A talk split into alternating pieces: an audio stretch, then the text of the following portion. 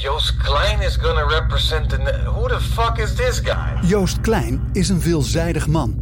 Rapper, muzikant, netwerker, stijlicoon, marketeer, wereldbestormer, schrijver. In de podcast Joost Klein 12 points belichten we het fenomeen Joost aan de hand van 12 punten.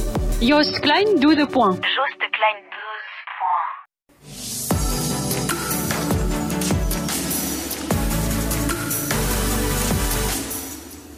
Een hele goede middag en welkom bij de allereerste Talk of the Town. Een splinternieuwe talkshow vanuit het Groningen Forum. Fijn dat je kijkt. Eh, waarschijnlijk via de kanalen van het Dagblad van het Noorden of Forum Groningen. Eh, en dat kan je de komende eh, tijd gaan doen. Iedere vrijdag zijn we hier en praten we over de actualiteit. Alles wat speelt en wat ons bezighoudt. Ik heb heel veel zin in. Waar gaan we het vandaag dan over hebben? We gaan het hebben over de Netflix-film De Dik. En zoals de titel misschien al zegt, het gaat over graven. Het gaat over archeologie. Het gaat over de opgravingen in het Engelse Suttonhoo in 1939. En we hebben ook onze eigen ja, De Dik-verhaal in Groningen, in Ezingen. Albert van Giffen in de jaren 20 en 30 heeft daar ook heel veel eh, gevonden. Daar gaan we het over hebben met maritiem archeoloog uh, Iftinus van Popt Popta. Als goed, jongen. Zeker weten. Fijn dat je er bent. Uh, we gaan luisteren naar Bram Esser. Hij is uh, ja, ontdekkingsreiziger van het alledaagse. Een mooie column heeft hij weer voor ons geschreven. Onze eerste columnist. Ik heb er heel veel zin in. En we eindigen met muziek van Inge van Kalkar. Een uh, groot talent. Dus kortom, een topshow, hoop ik. Maar we gaan beginnen met Bitcoin. Daar heb je vast wel eens van gehoord. Misschien zit je er al met heel veel geld in. Misschien is het helemaal nieuw. maar mijn vrienden, Martijn, die hebben het er al een hele tijd over. Mm -hmm. En ik voel me toch bijna een beetje ja, een soort achterblijven. ik wil niet zo meteen dat iedereen miljonair is, behalve dat ik dat ben. Mm. Uh, dus ik heb het ook eens een tijdje geleden gedaan. Ik ben erin ja. gestapt. Uh, dus ik wil het daarover hebben. En dat ja. ook iedereen zo meteen thuis begrijpt wat bitcoin is... en waarom je dat wel of niet zou moeten gaan doen. Uh, en ik ga je toch introduceren als ja, de bitcoin-goeroe van het noorden. Ja, dat mag. Dat mag. We hebben ook een, een bitcoin-dummy... Uh, Rosa Timmer, verslaggeefster van het Dagblad van het Noorden. Uh, Rosa, jij bent juist net in de wereld van Bitcoin gestapt. Ja, een paar weken geleden nog maar. Helemaal uh, groen ben ik. Ik heb ook alle beginnersfouten gemaakt. Ja? Ja. Het is een spannende wereld. Nou, enorm. Je, je kunt niet anders meer dan elk kwartier op je appje kijken of je winst omhoog ja. of naar beneden is gegaan. Of dat je misschien wel 40% bent verloren. Want dat gebeurt ook gewoon in een half uur. Dus ja, het is een nieuwe verslaving eigenlijk. Martijn, voor de mensen die kijken, mijn oma kijkt ook mee, dat weet ik. Oké, okay. in Jip en Janneke taal. Yes. Wat is Bitcoin? Um, het is een digitaal betaalmiddel, peer-to-peer. -peer, dus zeg maar van persoon naar persoon. Ja. Het is volledig decentraal. Dat beamen ze in ieder geval, daar, dat, daar streven ze naar. En uh, sinds kort wordt het een beetje gezien als het uh, digitale goud. Dus het idee was dat het cash was. Ja. En het wordt steeds meer een ja, waardeopslagtool. Maar het digitale goud, goud ja. is heel magisch voor mij. Waarom het digitale goud? Omdat het, um, er, is een, er zijn maar 21 miljoen bitcoin die er ooit kunnen zijn. Ja. Dus het is zeldzaam, dat is één. En ten tweede is het een beetje zo ontwikkeld, omdat je een heleboel andere munten ook hebt. En bitcoin is marktleider. Ja. Dat je daar eigenlijk je waarde in opslaat. En dat is precies wat je ook zal doen als je goud koopt met euro's. En, en wanneer ben je begonnen? 2017 heb ik voor het eerst zelf geïnvesteerd. Ik wist er al wel altijd van af. En, en, en hoe is het voor jou gegaan toen je ermee begon? Hoe is Mhm. die hele aanloopperiode geweest? Um, ik heb gewoon, ik had spaargeld over. Eigenlijk heel makkelijk. En ik dacht van, ik wil wel eens gaan kijken of ik iets kan doen qua investeren. Ja. En ja, ik ben zelf best wel veel met computers bezig, een beetje geeky. Dus Bitcoin was het eerste wat in me opkwam van, ik wil eigenlijk wel eens proberen om met iets wat uh, ja, een beetje mijn straatje is, zeg maar, Ja. om daarin te gaan kijken of ik geld kan verdienen ermee. En Rosa, wat is jouw reden geweest als net beginnende Bitcoin-persoon? Nou, ik ben dus heel erg tegen beleggen geweest altijd. Want ik ben eh, ontzettend bang om centjes kwijt te raken. ja. Maar eh, ik kreeg een vriendin en eh, die is programmeur. En die zit wel in bitcoin en Ja. allerlei andere muntjes. En ik zag haar dus continu op die app kijken. En ze had gewoon al bijna de helft van haar studieschuld bij elkaar Dat verdiend. is toch niet normaal, dit soort verhalen hoor je Ja. echt heel veel. En daar werd ik gewoon heel jaloers van. Ik dacht, ja, ik eh, heb 1,30 euro rente gekregen voor Ja. al dat spaargeld dat ik heb gehad. En dan heb ik nog best wel wat spaargeld. Meer, meer dan 30.000 euro, anders krijg je niet zoveel rente. Schiet gewoon niet op. Maar schiet het nu wel op in de bitcoin? Nou ja, toen dacht ik, ik probeer het ook een keer met een paar honderd euro. En het schoot eigenlijk gelijk omhoog. En Ja? toen eh, was het begonnen. Het verlangen en de hebzucht eigenlijk. ja, en dan, dan wat jij nu hebt van dat je denkt... oh, begin ik misschien te laat? Eh, kan ik nog wel miljonair worden met Ja. bitcoin? Nou, dat had ik ook gelijk. Dus ik heb gelijk nog meer ingegooid. nog meer honderden euro's, wat ik anders nooit zou doen. Want ik ben Hmm. echt heel conservatief met mijn geld. En ik zie het groeien en groeien. Maar ja, laatst was er een keer een maandag en toen was er in één keer iets van eh, 10.000 euro van de koers van Bitcoin af. Dus toen had ik echt een hele slechte dag, want dat kan ook gebeuren. En Martijn, eh, Mhm. want zij heeft het over eh, miljoenen ook en zo. Eh, ben, ben jij al een bitcoin miljonair? Nee, dat niet. Maar ja, het is niet alsof dat onmogelijk is. Hoeveel geld heb je in bitcoin? Ehm, Of wil je dat liever niet zeggen? nou, echt precieze getal zeg ik liever niet. Want dat is een beetje ja, lastig om... Als iedereen het weet, dan krijg ik weer problemen en dan komen ze achter me aan misschien. Daar heb ik niet zoveel zin in. ik ken een beetje echt? horrorverhalen daarvan. Ja, ja, ja, dat gebeurt wel echt, ja. Wat voor horrorverhaal? Nou ja, mensen eh, die ik ken, die zitten dus ook in crypto. En die hebben ook bepaalde vrienden die zitten in crypto. En dat eh, is wel eens helemaal misgegaan dat iemand eh, bedreigd werd. Waardoor hij ook als een crypto moest overmaken. Gewoon echt best wel heftig ook met de pistool op Oh, zijn face. best. Dat is niet best. Nee, best wel crazy stuff. En ja, de meeste mensen in crypto hebben toch wel beveiliging ingesteld. Ja. Ik zelf ook. Waardoor je er toch niet bij kan. Dus ook al, weet je, ook al heb je me of zo. Ja. Ik kan er zelf niet eens bij, bij een groot gedeelte. Dus ja, daar heb je niet veel aan. En ik doe het eigenlijk om, om rijk te worden. Eh, Mhm. wat is, ja, ik wil gewoon rijk worden. Ik wil daar geld in zetten. En dan wil ik op een gegeven moment echt heel veel geld hebben. Ja. Snap, ik zie je ook een beetje lachen. Zal ik even zeggen, er is één ding wat de meeste mensen niet helemaal beseffen aan investeren in het algemeen. Ja. Je werkt met percentages. Dus je kijkt naar de koers en die percentages gaan heen en weer. De meeste mensen staren zich een beetje blind op de euro- of dollarwaarde. Maar als iets 5% omhoog gaat en jij verkoopt het... en je doet dat met dat nieuwe kapitaal wat je hebt... weer met die 5%... dan krijg je dat opgestapelde hè, wereldwonder van Einstein... opgestapelde rente... Ja. waardoor je op een gegeven moment best wel ver kan komen... En als je ziet dat crypto de tijd zo gaat, en bitcoin zeg maar, alles gaat de hele tijd heen en weer.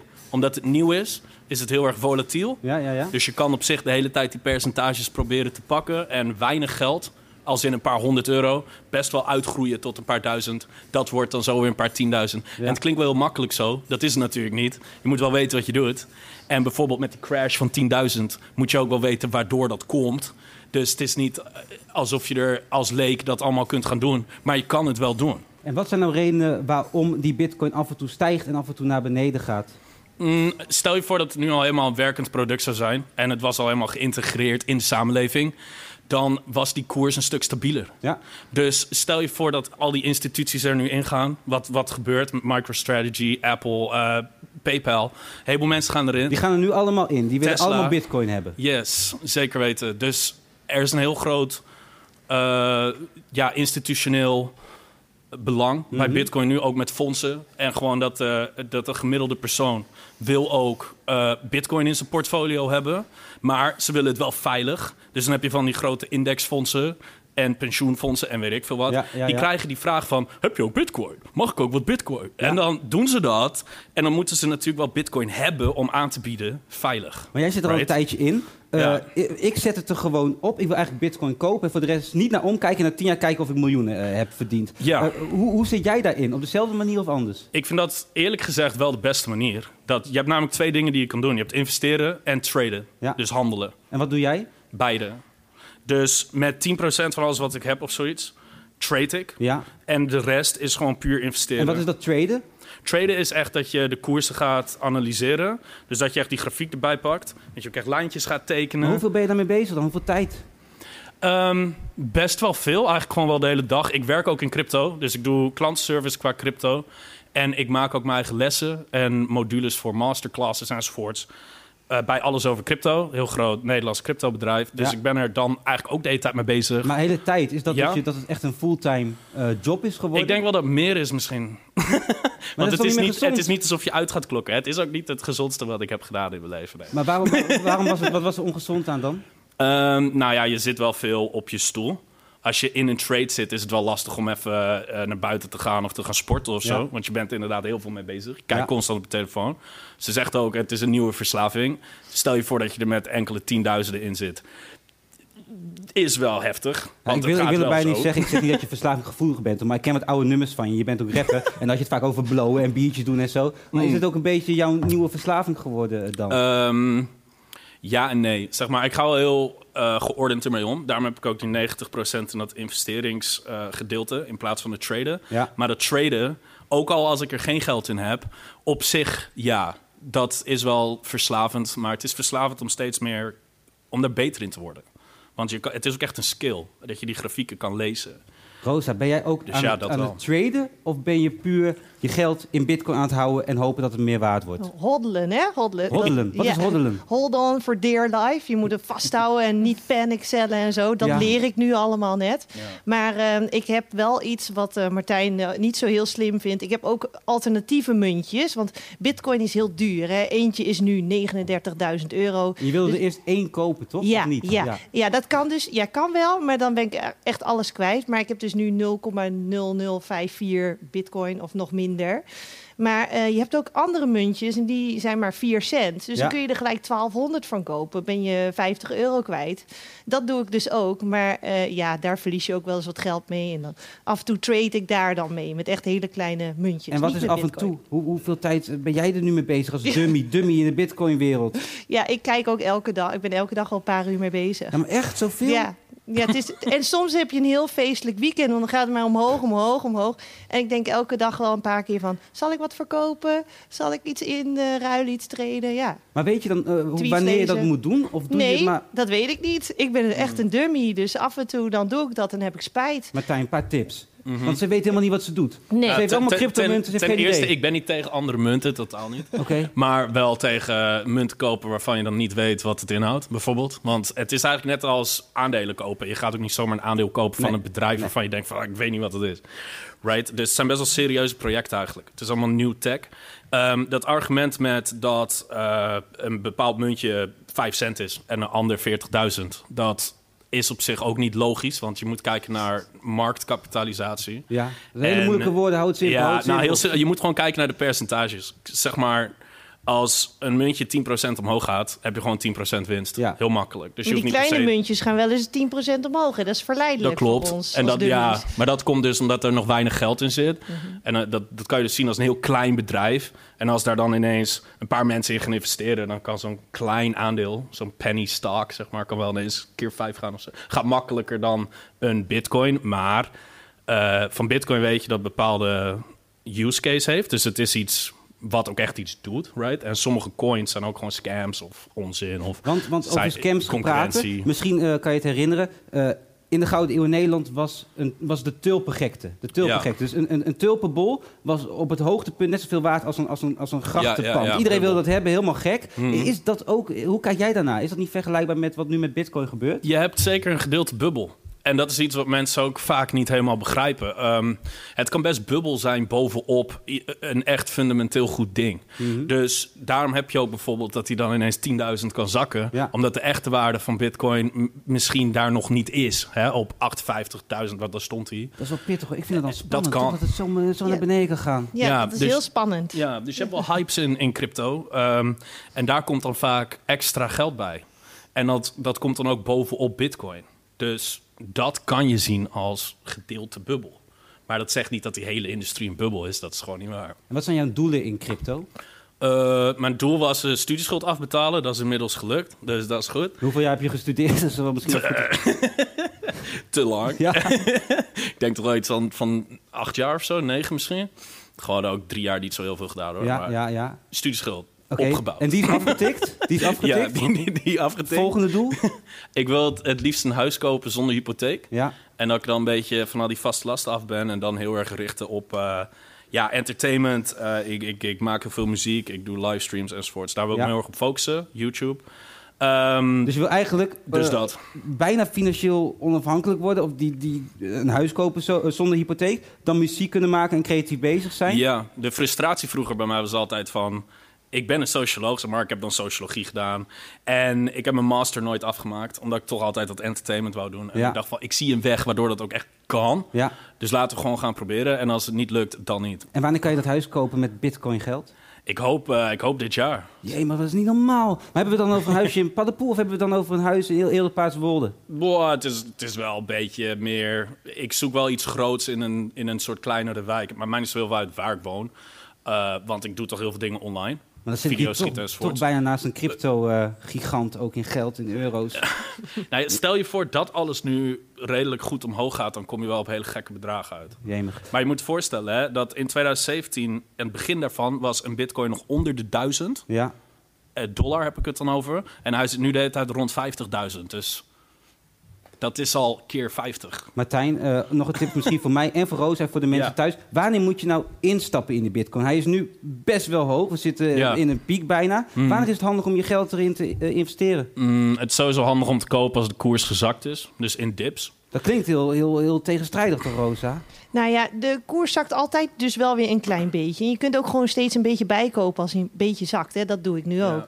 Want hij was laatst 48.000 euro. Dan moet je misschien niet kopen, want dat was zijn all-time high. Ja, maar dat denk Maar ik wel. Van, ja. oh, het is zo hoog. Yes, iedereen doet het. Ik moet het ook doen. maar nu als hij soms, dan zakt hij weer tot 38.000 euro. Is nog steeds heel duur. Maar als, als je denkt dat hij misschien wel naar 100.000 kan gaan, dan moet je, doe je toch nu een paar honderd euro. Maar alleen geld heb ik geleerd dat je bereid bent om kwijt te raken. Dus goed Ja, opletten. Zeker. Martijn, nog drie tips voor dummies die thuis kijken als ze in bitcoin willen gaan investeren. Eh, niet emotioneel zijn. Dus nou, dat is in. Ja, geen, geen, geen FOMO. Dus geen fear of missing out hebben, zeg maar. Dus ben jij emotioneel? dus hou je emoties, en ik ben eh, FOMO, dus... dus- Ja, de- hou je emoties bij de deur, dat is één. ja. Ten tweede, eh, ja, leren voordat je gaat investeren. Want anders doe je maar wat. ja. En ten derde, ja, ehm, het is ook wel dat extra geld eh, argument van ga geen geld investeren wat je niet kan missen. Dus zorg voor extra geld in je leven. Ik heb ook gewoon bij warenhuis gewerkt, afgelopen twee jaar of zo. Ja. Gewoon omdat ik geen zin had om eh, crypto uit te cashen of wat dan ook. Ja. Dus ga ook gewoon ervoor dan. En, en, en ga niet denken dat het echt snel rijk worden is. Dus ga niet, eh, hè, ga niet stoppen met je studie omdat eh crypto Zoals jij eigenlijk een beetje hebt gedaan.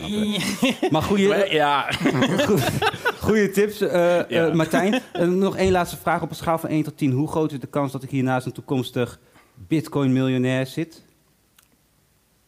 ja, waarschijnlijk wel tien. Jee, maar jongens. Ja, ik denk het wel. Kan dan betaal jij mijn biertje volgende keer. Is goed. Dankjewel, Martijn. Eh, en, en Rosa, eh, jouw artikel staat morgen in het Dagblad van het Noorden, toch? Zeker. Ga Alles, dat eh, voor lezen. Rosa Timmer en Martijn Hout Tuin. Dankjewel. Ja, Martijn, ga lekker weer in het publiek zitten. Wij gaan naar eh, onze columnist. De eerste columnist hier bij Talk of the Town, Bram Esser. En Bram, eh, je loopt nu naar de microfoon toe. Ja, kan hij wat hoger misschien? Ja, misschien moet je zo'n beetje pielen eraan. Eh, maar eh, Bram, ik heb, ik, heb, ik heb gelezen op je website dat Die niet... maakt mijn moeder trouwens. Wat zeg je nou? Die website die maakt mijn moeder. Ja? Ja. Dat- Leuk toch? Ja, dat is, dat is wel leuk. Ben je er tevreden over? Nee, er moet wel wat aan gebeuren. Oké, oké. Maar er staat dus op, misschien heeft ze er ook dan opgeschreven, of is dat wel die tekst van jou, dat niets vanzelfsprekend is en, en, en het vanzelfsprekende moet zelfs gewantrouwd worden. Waarom? Nou ja, het is altijd slim om eh, wat naïeve vragen te stellen. Daardoor kom je toch vaak op dingen die je anders niet eh, te weten zou komen. Kijk, als je ervan uitgaat, ik weet alles wel, dan eh, kom je nooit nieuwe dingen te weten. Terwijl als je bijvoorbeeld eens een keer naar de snelweg gaat kijken... alsof het een plek is waar, je, waar je nog nooit eerder bent geweest... dan ga je andere dingen zien. En dat is een beetje hoe ik in het leven sta. Ik kom dus ook altijd te laat. Omdat je dan naar dingen op de snelweg eh, kijkt Precies, ja. daaromheen. Ik eh, ben altijd met andere dingen bezig. Ik ben dan wel heel benieuwd waar je, waar je eerste column over gaat. Ja, ja, ik heb ook een, eh, ja, ik heb ook een bezoek gebracht aan een stukje Groningen. En daar ja, heb ik een verhaal over bedacht. Dat heb ik net uit mijn hoofd geleerd. Dus dat ga ik nu in één keer eruit laten komen. Geweldig. nou, mag een applaus voor Bram Esser. Ik reed vanuit het centrum van de wereld naar de periferie om een bezoek te brengen aan Meerstad. Dat is een plek waar zich naar verluidt het geluk schuilhoudt. En ik belde bij een willekeurig huis aan, want ja, wie het geluk op zijn staart wil trappen, die moet het toeval vrij spel geven. Een dodelijk vermoeide man, waarschijnlijk gebroken door een combinatie van thuiswerken en thuisonderwijs, deed open. Mag ik misschien uw koffiezetapparaat fotograferen? vroeg ik opgewekt. Hij zuchtte alsof ik een Jehovah's getuige was, maar in plaats van mij direct weg te sturen, ging hij het even aan zijn vrouw vragen. Helaas, het mocht niet, vanwege de corona. Geen probleem, zei ik. Mag ik misschien weten wat voor merk u in huis heeft?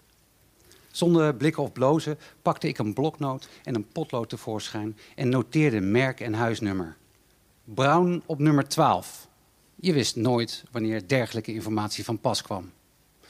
Bij het volgende huis had ik nog maar net aangebeld of de deur zwaaide direct open. Een kleine, tengere vrouw met kort geknipte zwarte haren keek mij nieuwsgierig aan. Het geluk kan je soms ineens bespringen, dat is bekend. Maar ze besprong me niet. Ze liet me gewoon binnenkomen. Mijn koffiezetapparaat is heel erg makkelijk te bedienen, zei ze verleidelijk. Toen zag ik ineens dat ze twee verschillende schoenen aan had. Een zwarte en een crème kleurige. Zou haar voet misschien gebroken zijn? Of misschien had ze wel twee totaal verschillende voeten. Die laatste gedachte bleef maar door mijn hoofd spoken. Wil je koffie? vroeg ze. Graag wist ik uit te brengen. De koffie begon te lopen. Het smaakte niet echt lekker, maar ook niet vies. Er zat een dikke schuimlaag op. We hebben hier het allergrootste landschapskunstproject van Nederland, vertelde ze. Om maar aan te geven dat Meerstad wel degelijk meedoet met de wereld. Bij navraag bleek het te gaan om een fietspad dat door een glooiende groene omgeving gaat. Wat doe je hier eigenlijk in Meerstad, wilde ze weten ten afscheid. Ik zei dat ik hier naartoe was gekomen omdat ik had gehoord dat mensen hier gaan wonen om gelukkig te worden. Dat klopt wel, denk ik, zei ze. Alleen het went snel. Wat? Het geluk. Ja, dat zal wel, ja. Inmiddels was de duisternis gevallen en hadden de mensen de lichten in hun huizen aangestoken. Ik dacht aan het geluk, de verveling en aan een fietspad dat verkocht wordt als landschapskunst. Ik keek nog één keer naar de schoenen van de vrouw die mij koffie had gegeven. Maar ik vroeg niks, bang om iets verkeerds te zeggen. Dank u wel.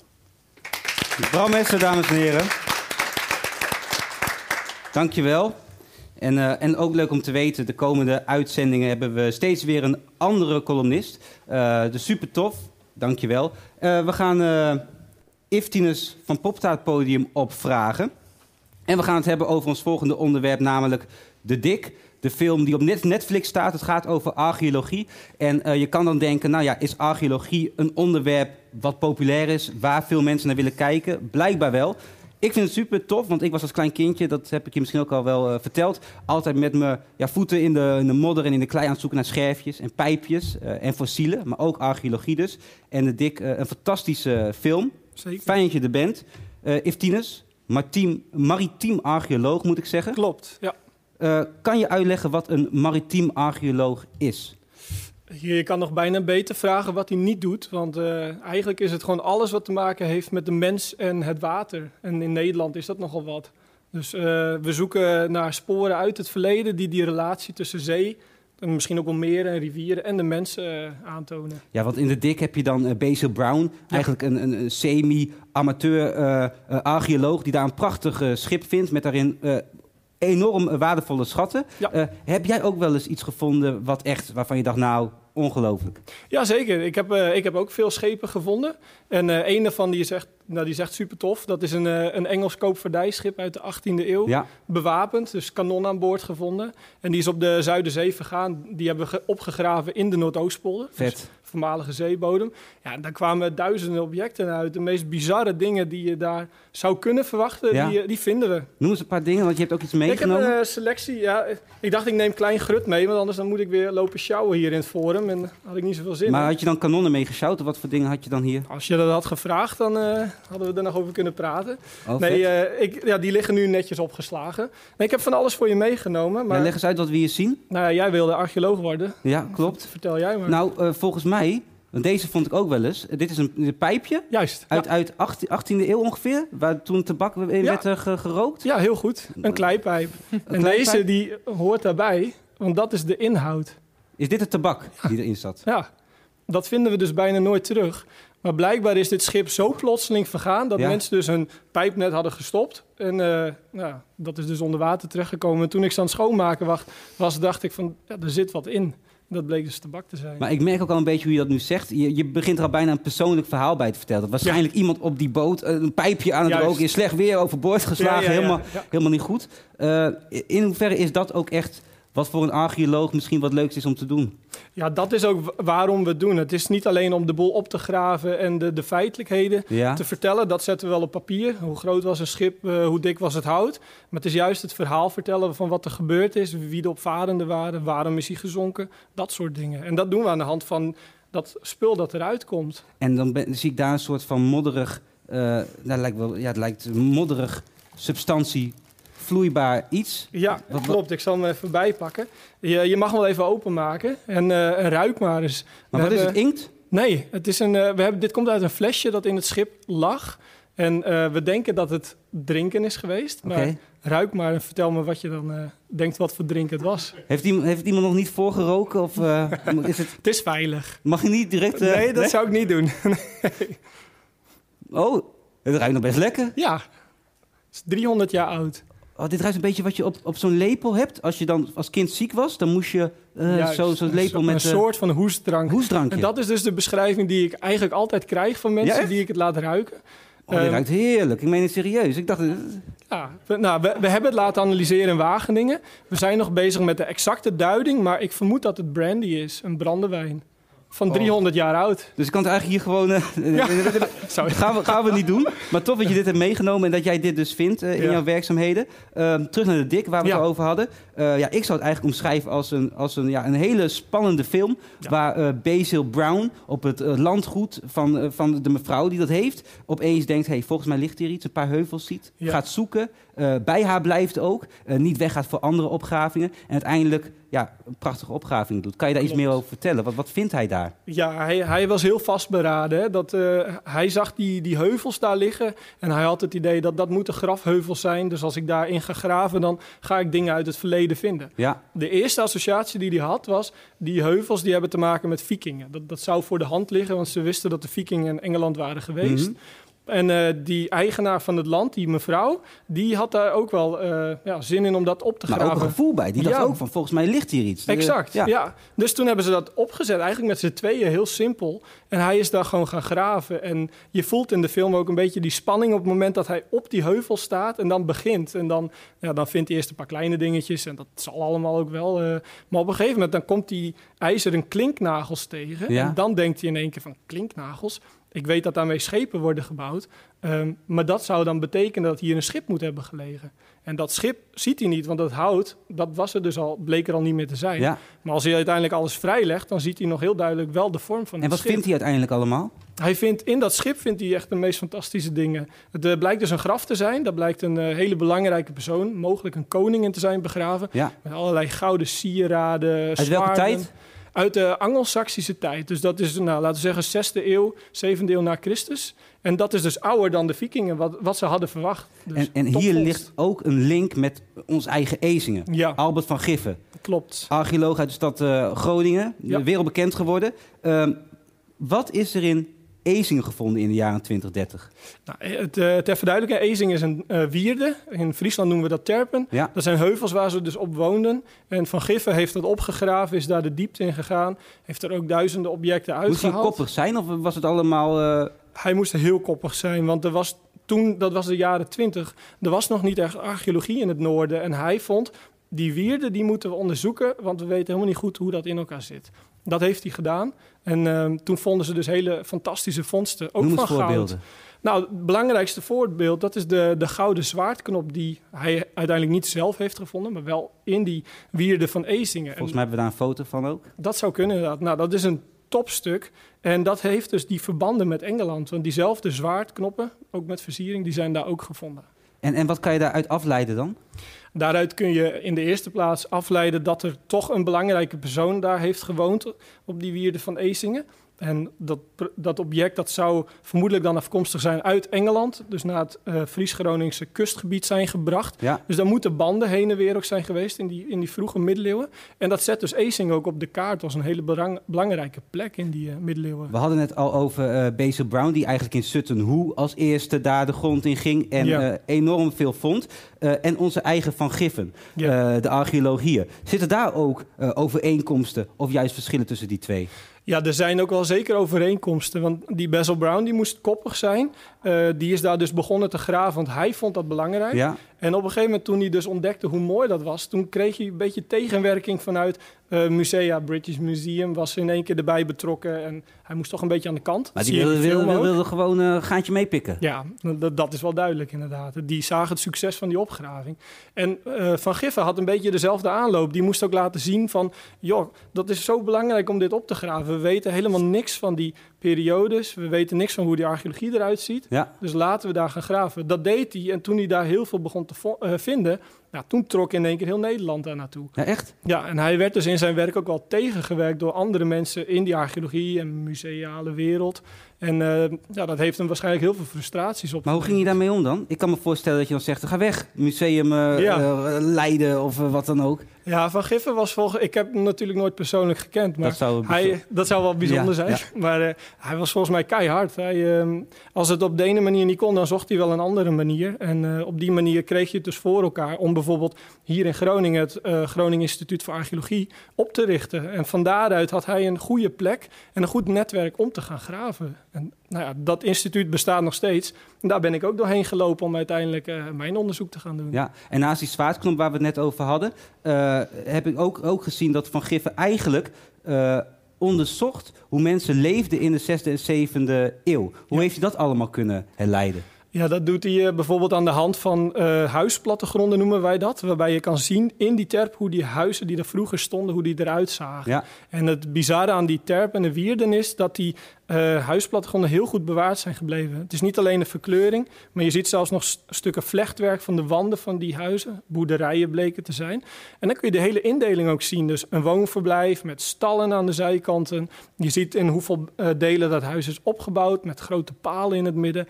En dan heb je het nog niet eens over alle vondsten die eruit komen. Dus al het eh, aardewerk en botmateriaal wat iets vertelt over hoe men daar eh, ja, met, met dat kustgebied omging. Want het was natuurlijk niet makkelijk wonen, want die zee die kwam er elke keer weer aan.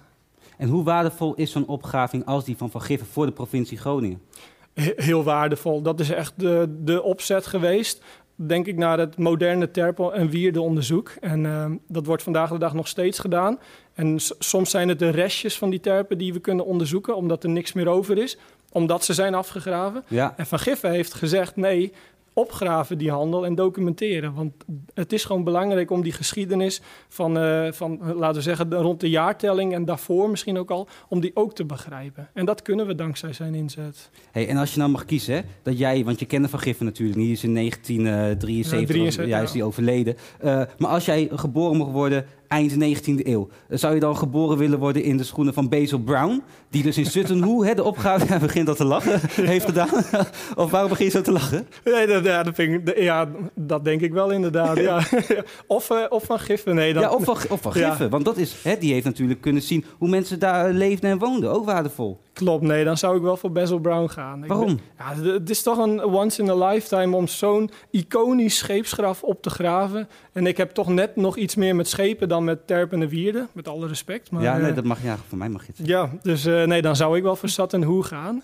Ehm, maar ja, je ziet wel dat het is niet zo makkelijk allemaal. Hij is ook veel tegengewerkt en heeft ook weer moeten doorzetten om, Ja. om zijn zinnen door te drijven. Dus het lijkt dan allemaal wel heel mooi op papier. Maar die film laat dus heel mooi zien dat het niet allemaal van een leien dakje gaat. Ja, en jij zelf als een maritiem archeoloog ook. Eh, ik kan me voorstellen dat je wel eens hebt gedacht, als je je beroep vertelt, vinden mensen dat misschien wel cool. Maar Ja. het klinkt ook een beetje stoffig. Ik vind het heel erg leuk om, eh, om ook bezig te zijn en te zoeken. Maar waarom denk je dan dat nu opeens deze film zo populair is geworden?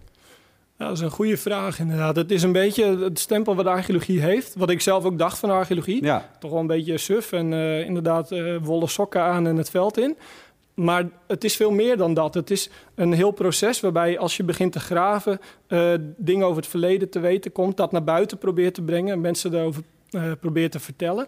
En dan merk je gaandeweg wel dat... ehm, dat, dat als je dit soort dingetjes meeneemt, dat het enthousiasme wel naar boven Ja, nee, komt. tuurlijk, Ik maar dit ruikt ook lekker, dus- dit ruikt ook lekker. Ja, klopt inderdaad. Het had ook wat anders kunnen zijn. Maar, ja, maar ja, ik weet niet. Ik denk, ik denk dat het eh, een combinatie van heel veel factoren is. En die van Giffen en ook Beter Brown worden enorm geprezen voor hun koppigheid. Ja. Eh, die blijven doorgaan, blijven doorgaan en vinden dan ook echt wat. Ja. Hoe vaak gebeurt dat? Dat je ook echt iets vindt?